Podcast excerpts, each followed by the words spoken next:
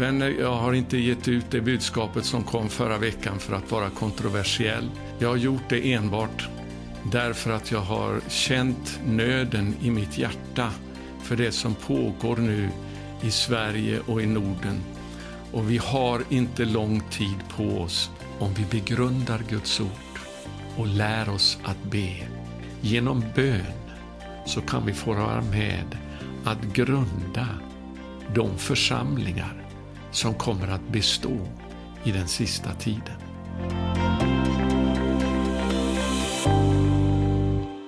Jag vill uppmuntra dig att prenumerera på vår Youtube-kanal och också trycka på klockan så att du får ett meddelande i din inkorg när vi kommer ut med en ny video. Och om du gillar de här budskapen och vill att de ska nå ut så får du gärna vara med och stödja oss på något av sätten du ser här i bild, antingen Swish eller bankgiro. Tack! Kära bedjare i Norden 714. Jag vill börja den här veckan med att eh, tacka er från djupet av mitt hjärta för er som ber. Det är genom bön som vi kommer att kunna få se Gud förändra våra länder. Och vi är på väg och jag är så tacksam för de som ber för våra länder i Norden och även som ber speciellt för mig och min familj här. Eh, jag är så beroende av bön och eh, må Gud välsigna er för det ni gör. Jag vill börja också, innan jag kommer in på budskapet den här veckan, med att eh, kommentera lite grann förra veckans budskap som heter Varför inte SKR? Den fick ju ganska snabbt över 10 000 visningar. Jag vill bara säga det att jag hade inte planerat att jag skulle tala in det budskapet förra veckan, utan Eh, min tanke var att jag skulle ge ett mer allmänt budskap om betona, eh, betona vikten utav Guds ord. Men under bönen, eh, innan jag skulle spela in det budskapet, så kom Herrens ande över mig och sa till mig att du måste väcka folket. Du måste bli väldigt radikal. Vänner, jag har inte gett ut det budskapet som kom förra veckan för att vara kontroversiell. Jag har inte gjort det för att eh Eh, väcka uppmärksamhet till mig själv. Jag har gjort det enbart därför att jag har känt nöden i mitt hjärta för det som pågår nu i Sverige och i Norden. Och vi har inte lång tid på oss. Det var det som Herren påminde mig om eh, i bönen förra, eh, förra veckan innan jag skulle spela in budskapet. Det, vi har inte lång tid på oss. Tiden är väldigt kort. Ska Guds folk vakna så behöver de vakna nu. Det var Herren sa till mig. Så eh, jag vill säga det också, om du inte redan har gjort det så vill jag uppmana dig att läsa den artikel som jag skrev redan 2014 som låg till grund för det budskapet jag spelade in förra veckan. Gå till vår hemsida sverige714.se och där kan du eh, under, de, eh, under artiklarna där hitta eh, artikeln Rädda Sverige, än är det inte för sent. För det är väldigt bra att ha den bakgrunden till det budskap jag gav förra veckan. Tack också till er som prenumererar och sprider de här budskapen. Det är viktigt att vi väcker Guds folk nu. Jag vill också säga det att det är en hel del som skriver till mig just nu och jag är ledsen att jag inte hinner svara på mejl eh, i det stora flertalet, men jag är väldigt glad för den uppmuntran som ni ger och eh, Gud välsigne er för det. Jag vill också säga det att eh, efter det att jag hade varnat pastor Ulf Ekman 2005 för den väg han hade slagit in på emot Rom, så eh, som jag nämnde förra veckan så ville han inte lyssna på den varningen. Jag försökte tre gånger och sedan så sa jag att nu kommer jag inte att säga någonting mer. Men efter det så fick jag på mitt hjärta att jag måste skriva eh, artiklar, jag måste skriva förhoppningsvis en bok omkring det här som, eh, för att nå ut med undervisningen. Och det var så den här boken kom till som nu är uppe i sin andra upplaga som heter Den stora skökan. Vem är hon? Eh, och det är ju så att Uppenbarelseboken talar mer om den stora skökan än om både Antikrist och den falske profeten tillsammans. Och det utgår en väldig varning att vi måste dra ut ifrån skökan. Så då är det viktigt att ta reda på vem är hon? Vad handlar detta om? Så läs den här boken, pröva den inför Guds ord. Eh, och det är ju så att jag definierar då den stora skökan som just den här falska ekumeniska världskyrkan som nu håller på att ta, ta form, inte minst i Sverige och i Norden och som eh, David Wilkerson profeterade om redan på 1970-talet. Så du kan skaffa den från vår hemsida sverige714.se eller vår eh, bokshop eh, arielmedia.se. Sen så vill jag nämna också om att för några år sedan så var jag eh, i, jag åkte till den här Terebintalen i Israel där eh, David plockade upp stenarna innan han skulle eh, ge sig på Goliat. Och jag tog en sån här sten ifrån den där bäcken i Terbintalen och jag började be till Gud. Under mina bönestunder så bad jag Gud, ge mig ett ord som kan träffa försten över Sverige i pannan. Den Goliat som har intagit vårt land. Och jag hade den här stenen eh, i min hand under lång tid medan jag bad på morgnarna. Sen föll det där i glömska. Eh, men på morgonen då, den 12 januari 2018 så vaknade jag med det här allvarsordet. Eh, det som sker nu i Sverige ingår i en medveten strategi att bryta ner samhället för att kunna införa antikrists diktatur. Ja, det ordet skakade om mig och jag förstod sedan efteråt, för det blev ju början till den här bönrörelsen Sverige 714 som nu har utökats till Norden 714. Och jag förstod senare att det var ett svar på den bönen jag hade bett om ett ord som skulle kunna träffa Goliat över Sverige och Norden i pannan. Eh, och, och, det blev ju startpunkten till den här bönerörelsen som nu har eh, växt sedan dess. Och jag är så tacksam för det, för det är inget annat än Gud. Jag hade inte planerat detta. Det är Gud som har gjort det här. Och vi ska nu vara frimodiga i den här bönerörelsen att gå vidare i det här arbetet som har börjat. Jag fick eh, också en e-post från en känd ledare i Sverige eh, förra veckan som oberoende av det budskapet som jag hade gett ut skrev till mig så här. Jag blir mer och mer övertygad om att vi kanske bara har cirka fem år på oss att uträtta det som Herren leder oss till. Jag tror att det nu handlar om att Herren vill ha ett väl berett folk i Norden inför Jesu tillkommelse. Ett folk som lever i den apostoliska församlingens andliga flöde till ett vittnesbörd för hedningar och judar. Den stora skörden kommer senare. Jag kan inte annat än säga amen till det. Och det, det här, jag vill säga det när det gäller Jesu återkomst. Det är oerhört viktigt att vi är redo för Jesu återkomst precis varje dag. Och vi ska vänta på hans återkomst ifrån himlen varje dag. Men jag tror inte på att vänta på Herrens återkomst utan att planera för framtiden. Det finns en, en balans i det här och jag tror att församlingen i Norden har missat väldigt mycket när man har varit obalanserad och sagt att Jesus kan komma när som helst och därmed inte varit noggranna med att planera för framtiden. Eh, jag tror det var Martin Luther som sa att även om Jesus skulle komma imorgon så vill jag idag plantera mitt äppelträd. Vi ska vara noggranna med att vara uthålliga i den kallelse som vi har fått och planera också strategiskt för framtiden, även om Jesus skulle komma tillbaka imorgon. För jag tror att vi har missat oerhört mycket med att inte vara strategiska eh, i, under den tid som, som eh, ligger bakom.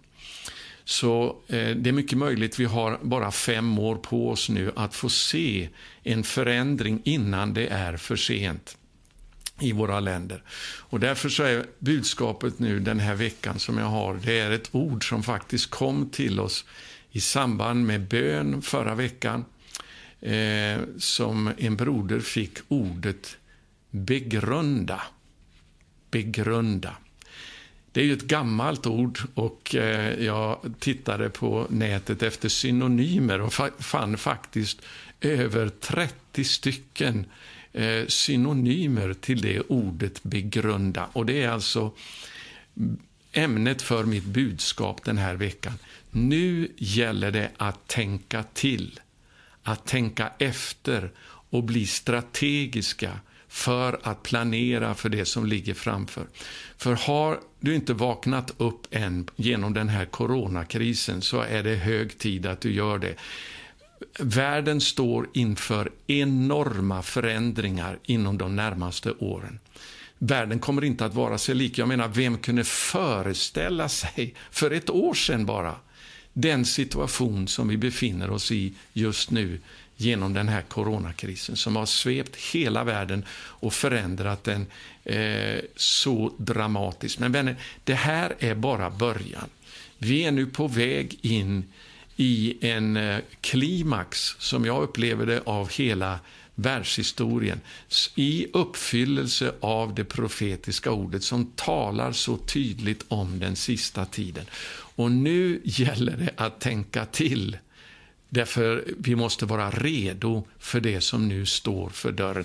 Låt mig ge de här eh, uh, orden, uh, synonymerna till det här ordet begrunda. Uh, och jag har inte skrivit ner alla 30, men jag har skrivit ner en hel del som jag tyckte var bra. synonymerna är att överväga, att tänka över, grunna på, fundera på, grubbla över, ta i betraktande, besinna, och jag återkommer till det ordet om en liten stund, betänka, eftersinna, eftertänka, genomtänka, hålla i tankarna, låta tankarna syssla med, grubbla på, meditera över, reflektera över, kontemplera, särskåda, vara nyfiken på, undra över, sova på saken, bedöma, kalkylera, överlägga med sig själv, vilja veta, pröva, dra sina slutsatser, planera. Ja, alla de där uppmaningarna är vad vi behöver eh, ta till oss nu inför den situation som råder i världen. För om den här coronakrisen har inneburit en sån dramatisk förändring så är det ändå bara en liten början på de enorma förändringar som vi kan förvänta oss framöver. Och det handlar inte nu om att bli rädd. Tvärtom. Bibeln säger ju väldigt tydligt när det handlar om skakningarna i den sista tiden eh, att frukta inte, var inte rädda för det här måste ske. Men Gud har kontrollen och det är bara de som har sina liv rätt ställt med Gud som kommer att klara sig igenom den här situationen.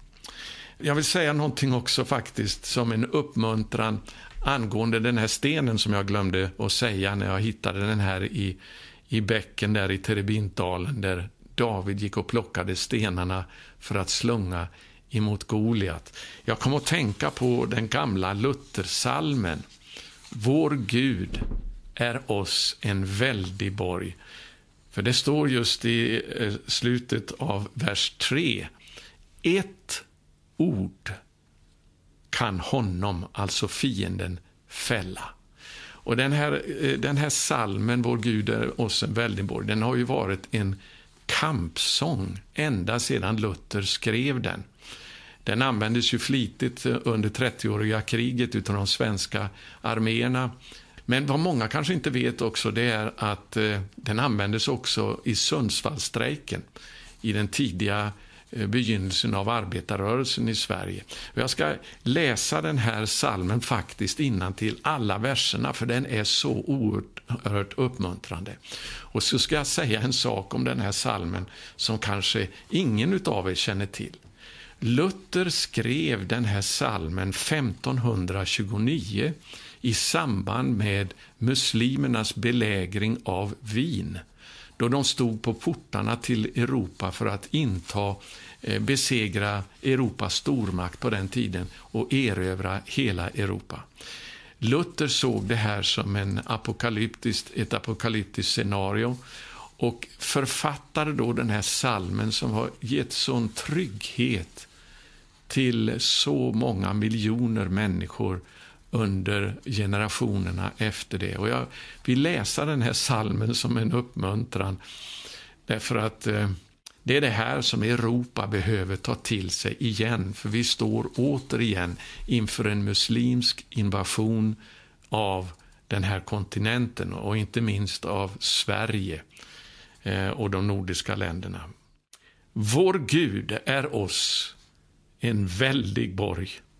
Han är vårt vapen trygga. På honom, i all nöd och sorg, vårt hopp vi vilje bygga. Mörkrets förste stiger ned, hotande och vred. Han rustar sig förvisst med våld och argan list. Likväl vi oss ej frukte. Halleluja, att vi har den tron och förtröstan på Gud. Andra versen vår egen kraft ej hjälpa kan. Vi vore snart förströdde. Men med oss står den rätte man. Vi stå av honom stödde. Jag tänker på när man sjöng det här under Sundsvallstrejken. Det var bättre det än Internationalen när man sedan började häda Gud i höjden av att ingen eh, Gud skulle rädda, utan vi skulle göra det själva. Från början så förtröstade man på Gud, men det här slängde man ju ut ifrån socialdemokratin väldigt snabbt.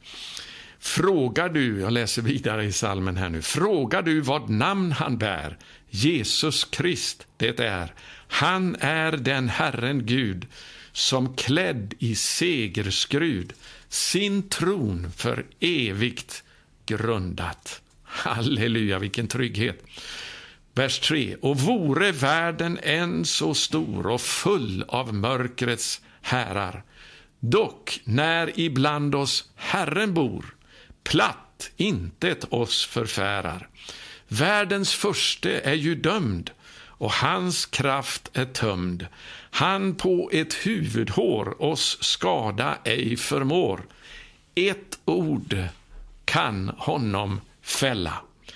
Guds ord och löfte ska bestå, vi det i hjärtat bäre. För himmel ej för jord vi gå, till strid och glade äre. Ära var äre alltid väl till mods, fast vi våga gods, och ära, liv och allt. Ske blott som Gud befallt, Guds rike vi behåller. Ja, vänner, låt oss med den förtröstan och den tron som Luther hade frimodigt gå emot mörkrets makter också i vår generation och strida för sanningen. Så, nu ska jag gå in på det här ämnet då att begrunda. Och Det är fem stycken punkter jag har att säga utifrån just det här ordet begrunda. Tänka efter, meditera, besinna, grunna på att eh, överlägga med sig själv. För nu måste vi tänka efter hur vi ska gestalta våra liv under åren som ligger framför. Vad är det som är viktigast i livet? Vi behöver li visa nu inför framtiden. Och jag tänker på liknelsen i Matteus eh, 24, eh, förlåt, Matteus kapitel 7 i avslutningen av bergspredikan där eh, Jesus talar om den vise eller den förståndige och den oförståndige. Jag ska läsa de här verserna nu från vers 24. Den som därför hör dessa mina ord och handlar efter dem. Han liknar en förståndig man som byggde sitt hus på klippan. Regnet öste ner, störtfloden kom och vindarna blåste och kastade sig mot det här huset. Det här är en beskrivning av den sista tidens stormar som vi kommer att få gå igenom. Och det står, eh, men huset föll inte eftersom det var grundat på klippan. Men den som hör dessa mina ord och inte handlar efter dem Lägg märke till att det gäller att handla efter det som Gud säger. Han liknar en dåre som byggde sitt hus på sanden och inte brydde sig någonting om framtiden. Ah, det kommer inte att bli några problem, det klarar sig. Jag vill också påstå dem som säger att Jesus kommer snart, vi behöver inte oroa oss för några svåra tider, för då är, har vi eh, alla försvunnit härifrån innan dess. Det där är en farlig, ett farligt sätt att tänka. Och likadant är det farligt med en blåögd förkunnelse idag om att det inte kommer några svårigheter i den sista tiden, utan Guds rike kommer bara att gå framåt och vinna seger och det är vi som kommer att ta över världen. Nej, det är inte vad Guds ord säger. Det kommer till en slutkonfrontation med mörkrets makter som kommer att avgöras i samband med att Jesus kommer tillbaka. Men det kommer att kosta våra liv Eh, många gånger. Vi måste vara beredda, ska jag säga, att ge våra liv för att gå segrande igenom de sista tidens stridande, precis, strider. Precis som det stod eh, att Jesus sa till församlingen, lägg märke till, församlingen i Smyrna, var trogen in till döden. Låt mig läsa de här verserna eh, ifrån Uppenbarelsebokens andra kapitel. Där det står eh, ifrån vers 10. Var inte rädd för vad du kommer att få lida. Se, djävulen kommer att kasta några av er i fängelse för att ni ska sättas på prov och under tio dagar kommer ni att få utstå lidanden. Var trogen in till döden så ska jag ge dig livets krona. Det måste vara vår inställning inför den sista tidens skakningar. Det står också, vi vet i eh, Hebreerbrevets tolfte kapitel, jag ska läsa, även om jag kunde citera det till vers 26, Hebreerbrevet 12 och 26. Eh, där det står eh, den gången, det var alltså på Sinai berg, kom hans röst jorden att skaka. Men nu har han lovat och sagt, än en gång ska jag komma inte bara jorden utan också himlen att skaka. Orden än en gång visar att det som skakar skall försvinna eftersom det är skapat för att det som inte kan skaka skall bestå. Och vad är det som inte kan skaka? Jo, det är precis det som Luther hänvisade till i den här salmen också.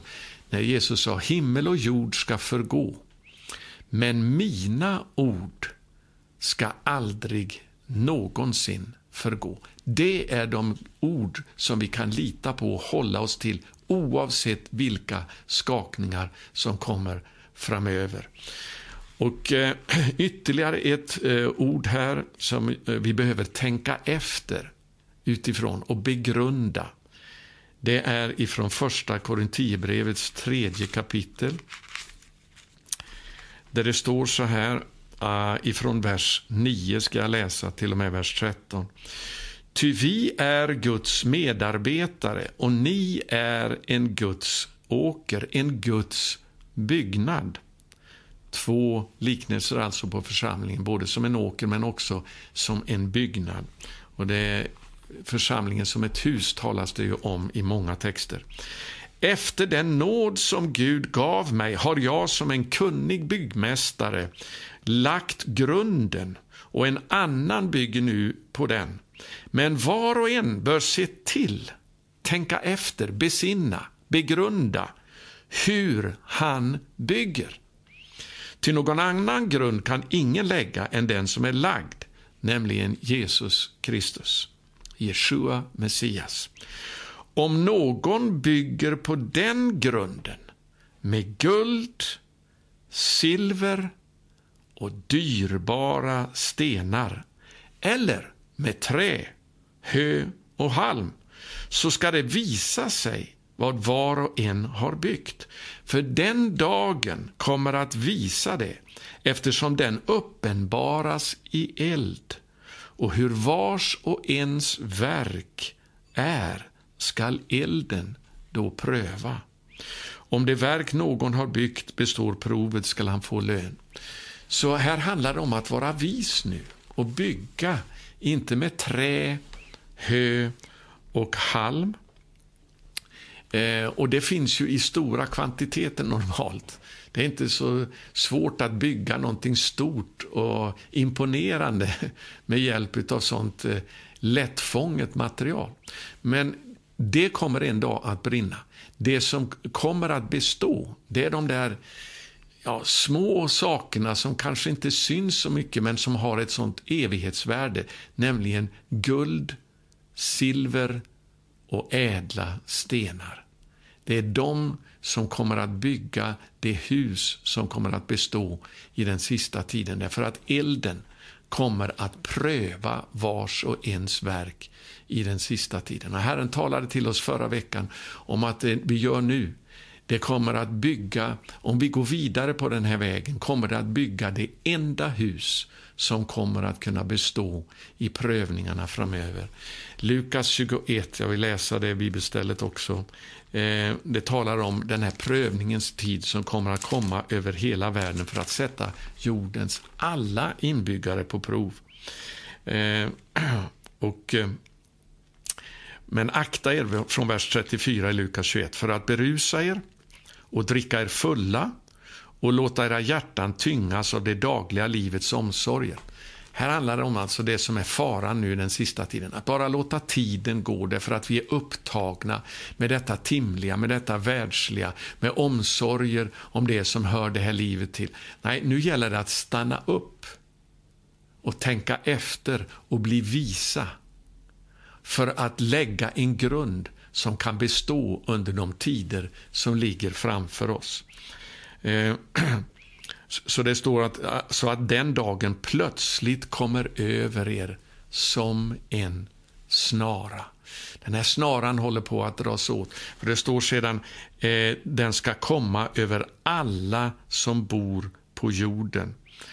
Eh, och Det är den här testen, den här prövningen som vi måste vara villiga att gå igenom. Och glöm nu teologi, det är inte teologi jag pratar om i först, eh, överhuvudtaget här ska jag säga, jag talar Guds ord. Guds ord alltså, som uppmanar oss till detta gång på gång. Så en av de här betydelserna nu utav ordet begrunda, det är ordet besinna. Och när jag eh, hörde det där ordet som kom fram i bönen förra veckan så gick mina tankar sedan till orden i Sefania bok, det andra kapitlet, som jag har talat om tidigare i budskap eh, till, eh, eh till alla i Norden 7.14. Och det är, jag ska läsa de här orden ifrån 1917 års översättning därför att den använder just det här ordet besinna. Lyssna här nu vad vi behöver tänka på inför det som ligger framför. Besinna dig och kom till sans, du folk utan blygsel. Det vill säga ett folk som inte känner av att de eh, överträder Guds bud och inte har några problem med att leva eh, i olydnad mot Gud. Besinna nu och kom till sans, du folk utan blygsel, innan ännu rådslutet är fullgången. Den dagen, alltså Herrens dag, hastar fram såsom agnar fara. Och de blåser snabbt i vinden när, eh, när agnarna eh, från tröskplatsen. Och innan Herrens vredes glöd kommer över er, ja, innan Herrens vredes dag kommer över er. Den kommer alltså komma över all ogudaktighet i den sista tiden.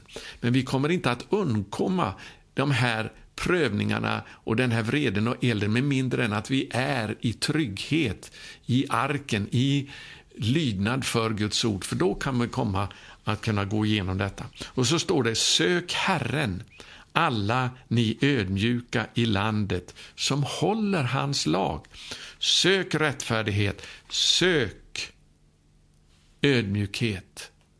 Kan hända blir ni så beskärmade på Herrens vredes dag. Den här dagen beskrivs också i Jesaja kapitel 1, eller förlåt, i kapitel 2 i Jesaja. Och jag ska läsa där ifrån verserna 10 till 19. Fly in i klippan. Ja, den fasta klippan, det vet vi vem han är. Halleluja.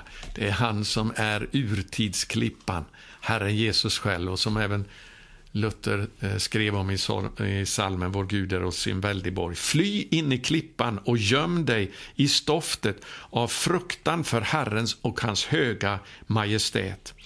Ty människornas stolta ögon skall förödmjukas. Männens högmod skall bli nedböjt och Herren ensam ska vara upphöjd på den dagen. Alltså det talas hela tiden om den här dagen då Herren ska stå upp för att döma jorden.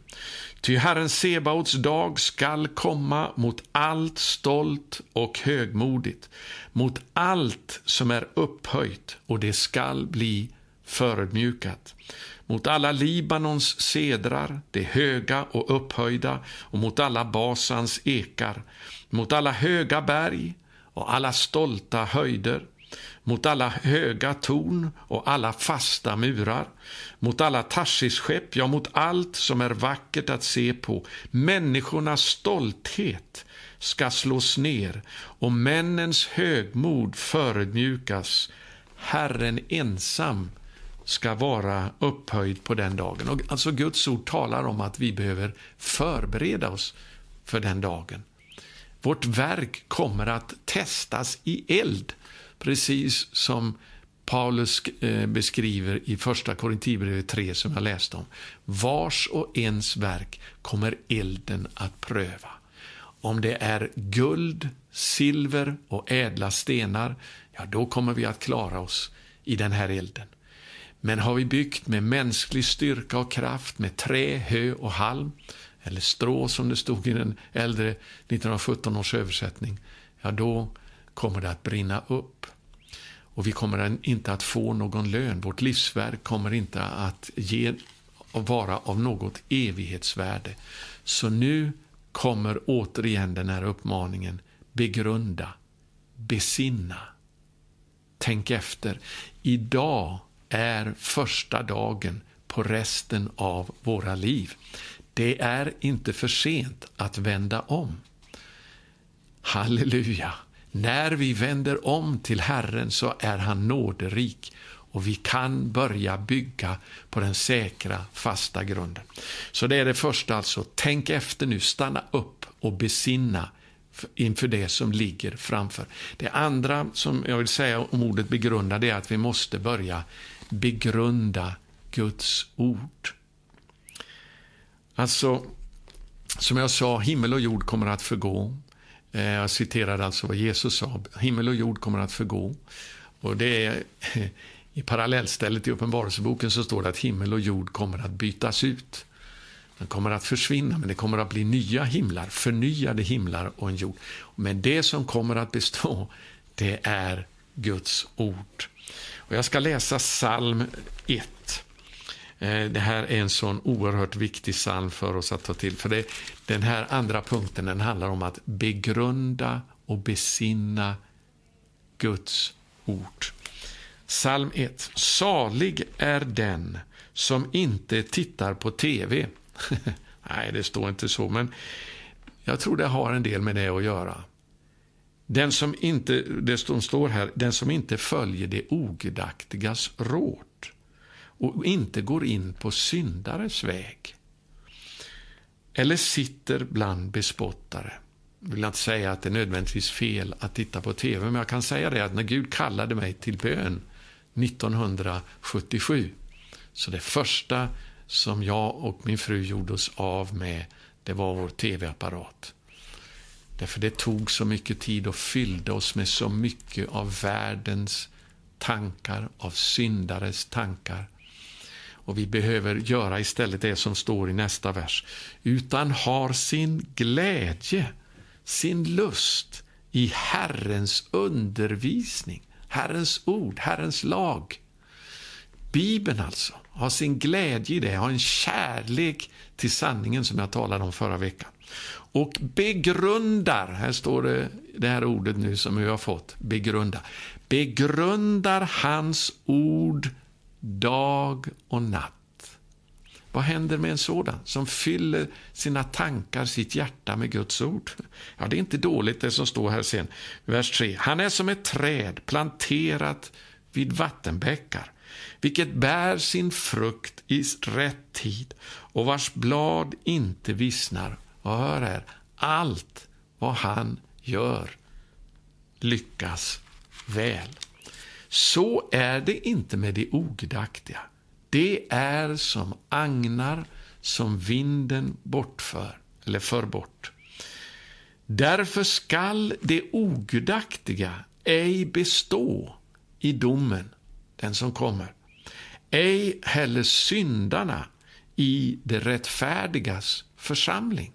Det kommer att bli en utrensning i församlingen mellan de som lever rätt och de som lever i synd. Syndarna i Guds församling kommer inte att bestå i skakningarna framöver. Det räcker inte med att vara med i en församling alltså. Det räcker inte att bara vara med i kyrkan, som en del säger. Det är ingen garanti. Vers 6. Ty Herren känner det rättfärdigas väg. Och Den vakar han över alltså. Men det ogudaktigas väg leder till fördärvet. Så Begrunda Guds ord. Lev i Guds ord. Fyll dig med Guds ord dag och natt. Jag har många gånger gjort reklam för vår bibelläsningsplan Daily Bread, dagligt bröd. Du kan beställa den från vår webbshop arielmedia.se. Det finns en del exemplar kvar fortfarande utav årets upplaga som varar ända till årets slut. Eh, och Det är en sånt hjälpmedel för dig att komma igenom hela Bibeln på ett år. Den här har jag använt i tio år nu och den har hjälpt mig att fylla mig med Guds ord. För jag förstod eh, för tio år sedan, det finns så mycket undervisning idag, så mycket läror hit och dit. Jag var tvungen att sätta, prioritera läsningen av Guds ord först för att, inte, för att kunna bedöma vad det är som kommer ifrån Gud och vad som inte kommer ifrån Gud. Så begrunda Guds ord. Vill du bestå i dagarna som ligger framför, börja med att begrunda Guds ord. Då kommer allt att lyckas väl och då kommer du att bestå i den dom som ligger framför. Okay? Det, eh, det, andra här nu, eller den tredje punkten här, som har med det här att göra, men eh, det är en underrubrik kan man då nästan säga. Begrunda allt Guds ord. Jag kan inte nog betona det. Det, det går inte att bara leva på favoritverser, som jag kallar för kylskåpsverser.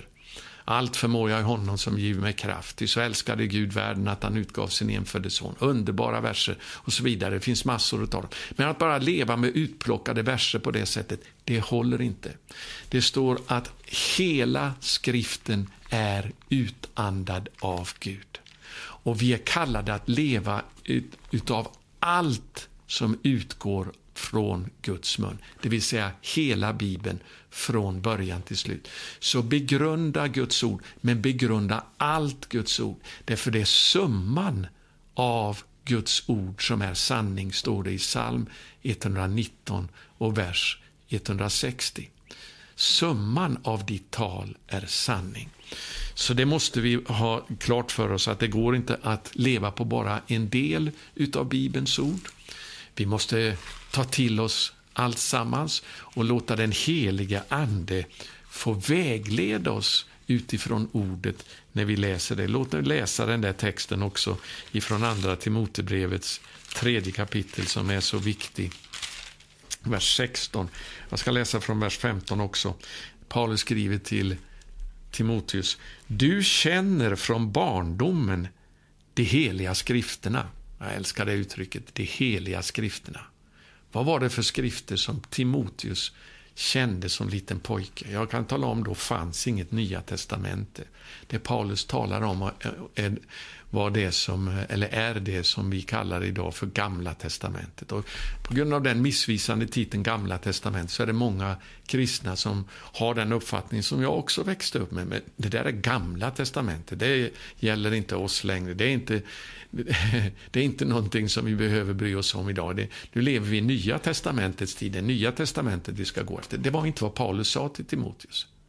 Utan han sa, du känner från barndomen de heliga skrifterna, det vill säga Gamla testamentet, som kan, och vi behöver naturligtvis det Nya testamentet också, men det fanns alltså inte då. Och vad står det om det Gamla testamentet här? Jo, det kan göra dig vis. Lägg märke till det nu, begrunda, bli vis, tänk efter. Det kan göra dig vis så att du blir frälst genom tron i Kristus Jesus. Och så kommer det, hela skriften är utandad av Gud. Det finns inget gammalt och nytt, bara något evigt ifrån Gud själv, fyllt av Guds ande. Låt Guds ande få fylla det med det ordet genom att du läser skrifterna varje dag. Hela skriften är utandad av Gud och nyttig till undervisning, till bestraffning. Ja, den korrigerar oss, den bestraffar oss när vi har fel, när vi tänker fel, när vi gör fel. Okay? Den är nyttig alltså till undervisning, men också till bestraffning, korrigering, till upprättelse och till fostran i rättfärdighet. För att gudsmänniskan ska bli fullt färdig och väl rustad för varje god gärning. Väl rustad och fullt färdig, det blir vi inte bara på några del, en del av Bibeln, några bibelverser eller bara Nya testamentet. Fullt färdig kan vi bara bli med hjälp av hela Bibeln allt Guds ord som har utgått ifrån hans mun.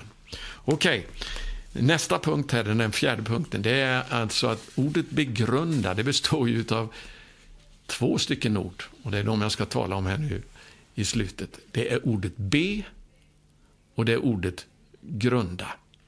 Och häng med för det här är väldigt viktigt. Alltså, ska vi klara oss i tiderna som ligger framför nu så måste vi lära oss att be.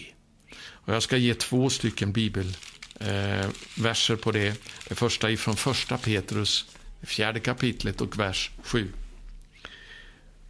Slutet på allting är nära. Ja, det här skrev alltså Petrus för 2000 år sedan. Och var det nära då, så är det nära verkligen nu. Nu lever vi de sista dagarna av den sista Eh, av sluttiden. Slutet på allting är nära. Vad jag sa är att den här coronapandemin, eh, den har varit en väckarklocka. Vi går in i skakningarna nu i den sista tiden. Nu kommer det att bli lite skakigt framöver. Allting som skall skaka kommer att skaka. Vad är det första som Petrus säger här då, när slutet är nära? Jo, var därför förståndiga och nyktra vakande så att ni kan be. En bibelöversättning den lyder så här. Var alerta och disciplinerade så att ni kan leva ett liv präglat av bön. Jag vill rekommendera här också, det här är inte för pengars skull, min böneskola.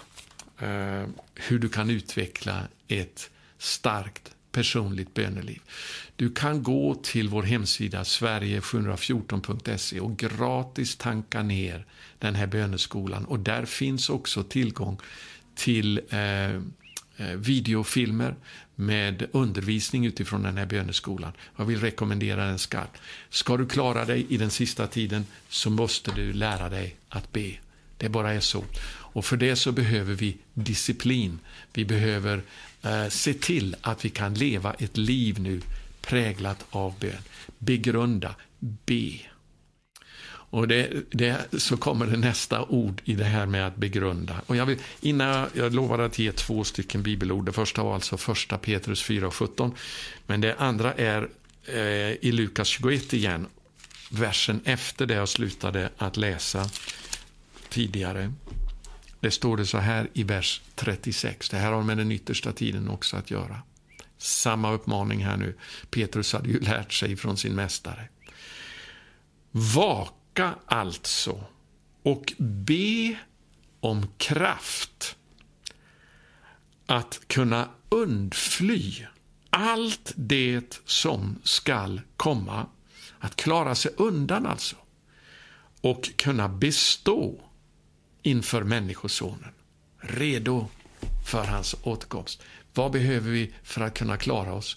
Vi behöver, precis som Petrus skriver där i första Petrus 4 och 7, vi behöver vaka, ge noga akt på det som händer och vi behöver be om kraft att kunna komma undan de här sakerna, den här snaran som han talade om tidigare i versen tidigare där. Det som ska komma som en prövning över jordens alla invånare. Uppenbarelseboken 3 och 10. Vaka och be att, om kraft att kunna undfly. Kraft att kunna undfly sexuella frestelser och omoral, pornografi. En enorm strid i tankevärlden, speciellt för de flesta män idag. Vilken kraft från Gud det behövs för att vi ska kunna undfly allt det här. Be om kraft att kunna undfly frestelserna från mammon, från det materiella som, som eh, eh, hindrar oss från att göra det som är allra viktigast. Låt mig säga här, en, jag har ju talat om villoläror, jag, jag vill lägga till i, i tidigare budskap här, jag talade om budskapet om två villoläror som är utbredda i vår tid. Eh, jag vill nämna en till sådan villolära som har fångat många. Eh, och Herren påminde mig om det när jag förberedde det här budskapet, så jag vill ta med det också. Och Det är det som vi kallar för framgångsteologin. Bibeln talar väldigt mycket om framgång och jag sa i mitt tidigare budskap, all villolära har sin utgångspunkt i sanningar i Guds ord. I alla fall de flesta villoläror, men i stort sett alla som vi behöver se upp med. Det har sin utgångspunkt i Guds ord. Men man drar det för långt på bekostnad av andra sanningar i Guds ord.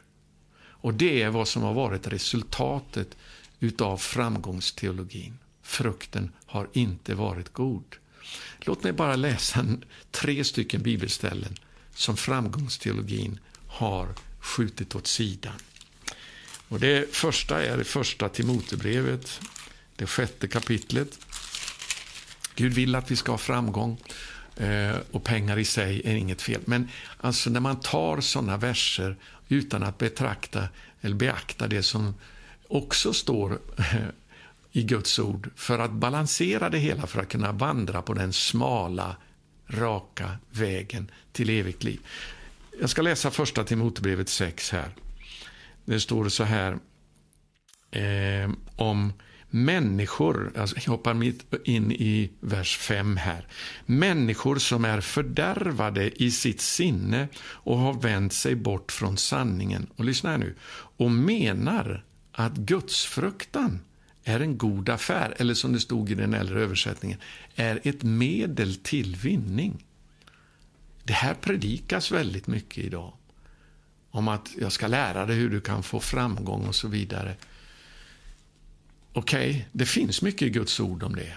Men det finns snaror i det här också som vi behöver vara observanta på. Väldigt observanta på om vi ska klara oss i den sista tiden. Det finns många varningar för det här, men jag vill bara ta fram tre bibelställen. Vers 7. Vi har ju inte fört något med oss in i världen. Äh, förlåt, jag hoppade över vers 6 här. Där Paulus säger så här. Ja, gudsfruktan i förening med ett förnöjt sinne är verkligen en stor vinning. Det vill säga förnöjsamhet. Och vad menar Paulus då med förnöjsamhet? Jo, det är att vara nöjd med det vi har. Okej? Okay? Inte sträva efter rikedom, utan vi ska sträva efter rättfärdighet före rikedom. Det står alltså med ett förnöjt sinne. Det är en verkligt stor vinning. För vi har ju inte fört något med oss in i världen och inte heller kan vi ta oss med något härifrån. Har vi mat och kläder skall vi vara nöjda med det. Det korrigerar den mesta urspårade framgångsteologi. Har vi mat och kläder så skall vi vara nöjda med det.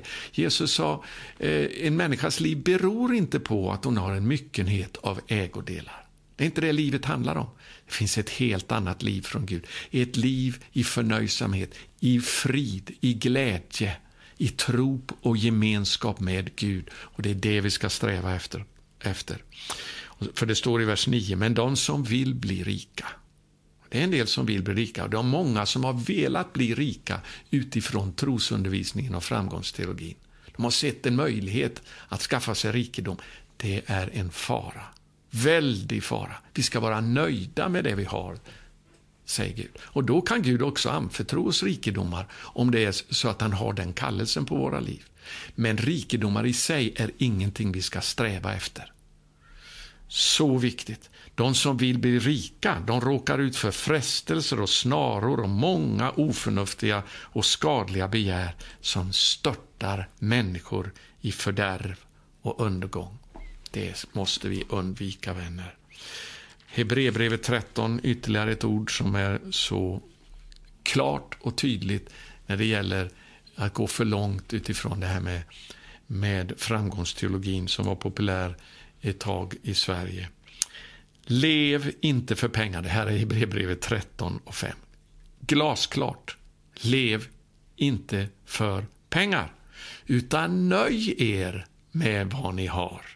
Genom två eller tre vittnens utsagor ska var sak avgöras. Exakt samma ord som Paulus skrev till Timoteus. Låt er nöja, nöjer med vad ni har. För Gud har själv sagt, jag ska aldrig lämna dig eller överge dig. Därför kan vi frimodigt säga, Herren är min hjälpare, jag ska inte frukta, vad kan en människa göra mig? Nej, när vi har Herren då klarar vi oss igenom vad som helst. Bibeln säger, lev inte för pengar. Vad är det vi ska söka först? Sök först efter Guds rike och hans rättfärdighet. Så ska allt detta andra tillfalla. Och om han vill använda dig till att välsigna människor med pengar så kommer det också att tillfalla dig. Men det är inte det vi ska söka först. Vi ska söka Guds rike och hans rättfärdighet. Det är så viktigt. Jag var tvungen att lägga till det här. Okej, okay. sedan sista punkten, den femte punkten jag har i det här budskapet. Då. Eh, ja, jag är inte färdig faktiskt, märker jag här nu med, eh, med punkt fyra. Eh, I liknelsen om den eh, förståndige och den oförståndige som finns i parallellstället i Lukas 6 Eh, så läser vi ifrån vers 46 ett uttryck som jag vill vara, eh, bara uppmärksamma här. Varför kallar ni mig Herre, Herre när ni inte gör vad jag säger? Den som kommer till mig och lyssnar till mina ord och handlar efter dem, vem är han lik? Det ska jag visa er. Han liknar en man som byggde ett hus och grävde djupt. Den där frasen finns inte i Matteus, men den är väldigt viktig. Alltså en man som byggde ett hus och grävde djupt så att han kom ner till klippan. När floden sedan kom vräkte den sig mot det huset, men den kunde inte skada det eftersom det var välbyggt. Vi måste gräva djupt i bönen för att tills dess att vi kommer ner till den fasta klippan. Och Låt mig bara ge ett exempel på det här. När jag skulle förbereda mig inför det stora bönemötet i Örebro 1988 så åkte jag ner till Kanarieöarna och var i två veckor i en församling i Las Palmas. En koreansk församling. Den hade börjat i ett garage, i pastorns garage, men hade ganska snart snabbt vuxit till att omfatta 4 000 medlemmar, lite drygt, när jag var där några år senare. Och Det var en församling som levde i bön. Jag kom dit på en söndagkväll och presenterade mig för pastorn och frågade om jag kunde få vara med och bedja i församlingen. Och då sa han, det är, det är du varmt välkommen att göra. Kom hit imorgon bitti klockan fem. Ja, så på måndag morgon vid fyra tiden så fick jag gå upp och eh, gav mig iväg till kyrkan klockan fem. Ja, då var församlingen full av folk. Och då lade jag märke till, de hade sin så kallade söndagsskola mellan klockan fem och kvart över fem varje morgon, måndag till fredag.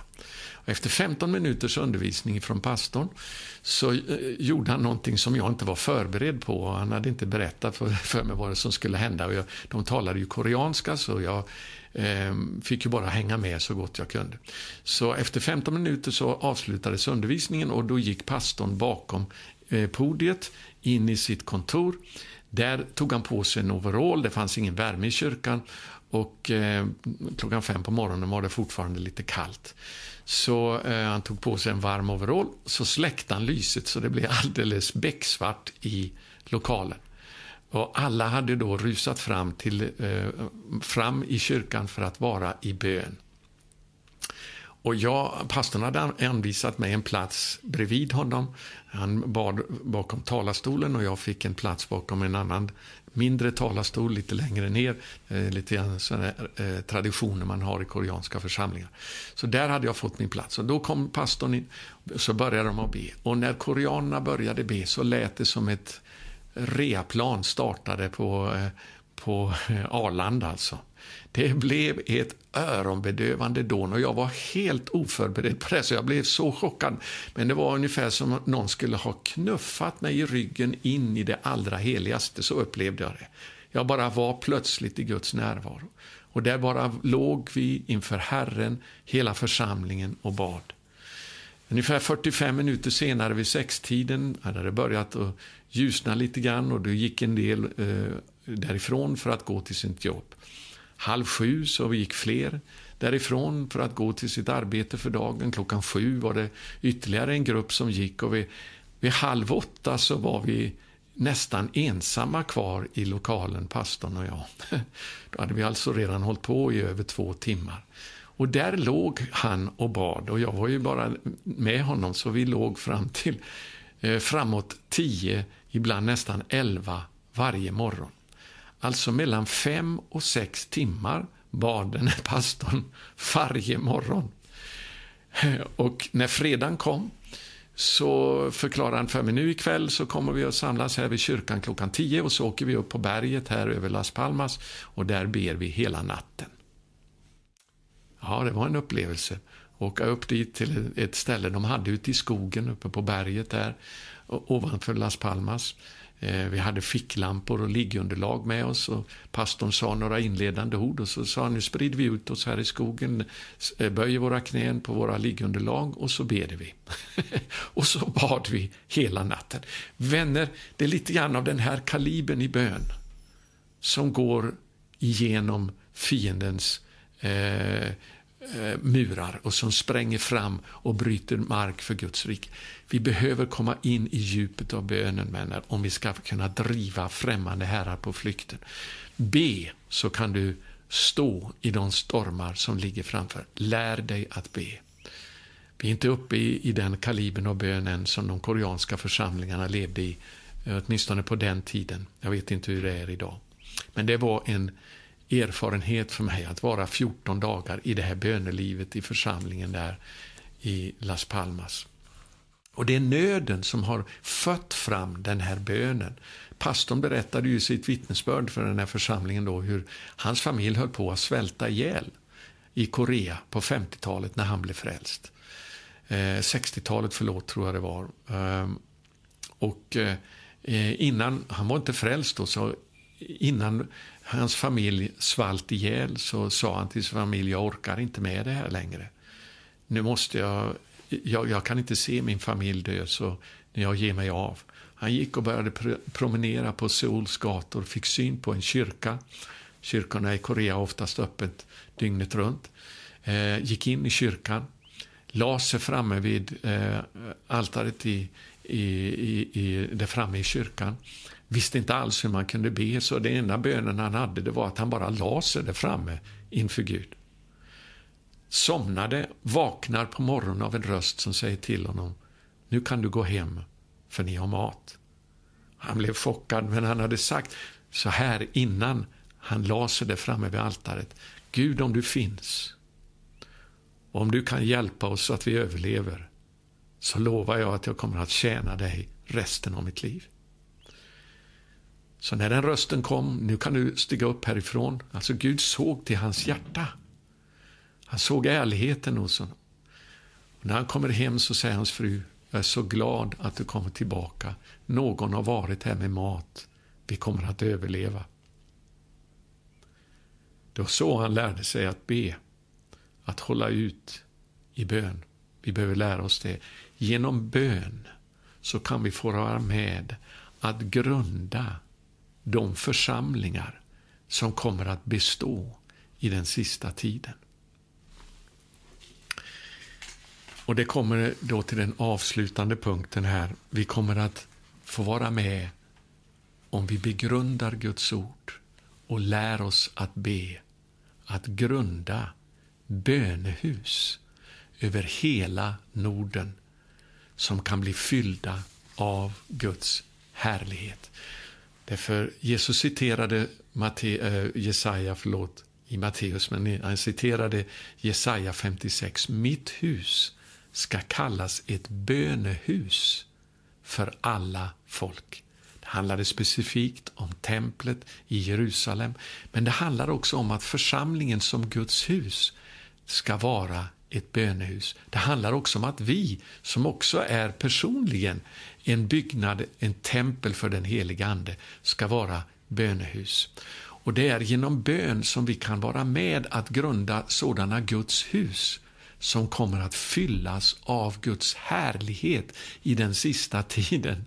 Halleluja! För att kunna bärga in skörden. Eh, jag ska avsluta här nu, för nu har jag hållit på länge. I Fesebrevet, det andra kapitlet, vers 20-22. Ni är uppbyggda på apostlarnas och profeternas grund. Det är den här bibeln det. Jag är så glad över att Uppsala kyrkomöte 1593 inte kallade Bibeln för Gamla och Nya testamentet utan man talade om profeterna, evangelisterna och apostlarna. Det är väldigt bra det. Ni är uppbyggda på apostlarnas och profeternas grund där hörnstenen är Kristus Jesus själv, han som är ordet. Genom honom fogas hela byggnaden samman och växer upp till ett heligt tempel i Herren. I honom blir också ni uppbyggda till en Guds boning i anden som ska fyllas av Guds härlighet. Och jag ser framför mig bönehus växa upp nu över hela Norden och vi ska arbeta med det här i Norden 714, att uppmuntra till sådana här bönehus. Hur kan man eh, vara med att i ett sånt här bönehus. Ja, varenda en av er som lyssnar till det här kan få vara med att bilda ett bönehus. Varför? Därför att det räcker med två eller tre. Matteus kapitel 18, vers 18-20. Var två eller tre kommer överens om att bedja om i mitt namn, det ska ni få. Ty var två eller tre församlade i mitt namn, där är jag mitt ibland. Att skaffa en bönevän. Skaffa åtminstone en som du kan börja be tillsammans med regelbundet. Så kom samman med andra bedjare varje vecka. Och så be för de här fyra bönepunkterna som jag satt upp för den här bönerörelsen. Vi ber om en mäktig böneväckelse, vi ber om omvändelse i församlingen, vi ber om en mäktig skörd, en väckelse, folkväckelser, för då kan vi också få se rättfärdiga, gudfruktiga regeringar eh, i våra länder i Norden igen. Är det omöjligt? Vi ska lyda Gud och se vad han kan göra. Det här händer på andra håll i världen. Varför kan det inte hända hos oss om vi betalar priset? Vi ska inte bara ge upp allt sammans och säga att Jesus kommer snart så det spelar ingen roll. Nej, vi ska vara målmedvetet gå in i en planering för framtiden. Kommer Herren imorgon, pris ske Gud, då finner han oss upptagna med det vi är kallade att göra. Men vi ska planera noggrant för framtiden, bygga bönehus Eh, och vill du vara med i den här rörelsen, vi kommer att göra allt vi kan för att eh, bygga upp sådana här bönehus nu över hela Norden som kan bli som fyrbåkar i natten, som eldar som ljus, som människor kan dras till för att komma till tro. Eh, så anmäl ditt bönehus på vår hemsida Sverige714 Se. För då kan också andra, vi har så många som skriver till oss och säger, finns det någon som jag kan ha gemenskap med och be med? Ja, om du har anmält ditt bönehus så kan vi hänvisa dem till dig eh, och den bönegemenskap du har. Så registrera ditt bönehus. Börja att bygga upp en bönegemenskap där du är. Och låt mig säga, det här är inte någonting som är ett hot mot någon församling. Vi samarbetar och vill samarbeta med varenda församling. Ett sånt där bönehus behöver inte bestå av mer än två eller tre, men det kan bestå av en hel församling. Eller det kan bestå av flera församlingar till och med, som kommer tillsammans och ber och ropar till Herren om väckelse, om Först att bönens ande ska komma över oss, sedan om omvändelse i församlingen och sedan att en skörd ska bärgas, människor ska bli frälsta, folkväckelser och sedan också gudfruktiga regeringar med gudfruktiga lagar. Det är det här som vi strävar efter i den här bönerörelsen och nu ska vi gå vidare med full kraft in i det som Gud har tänkt för oss.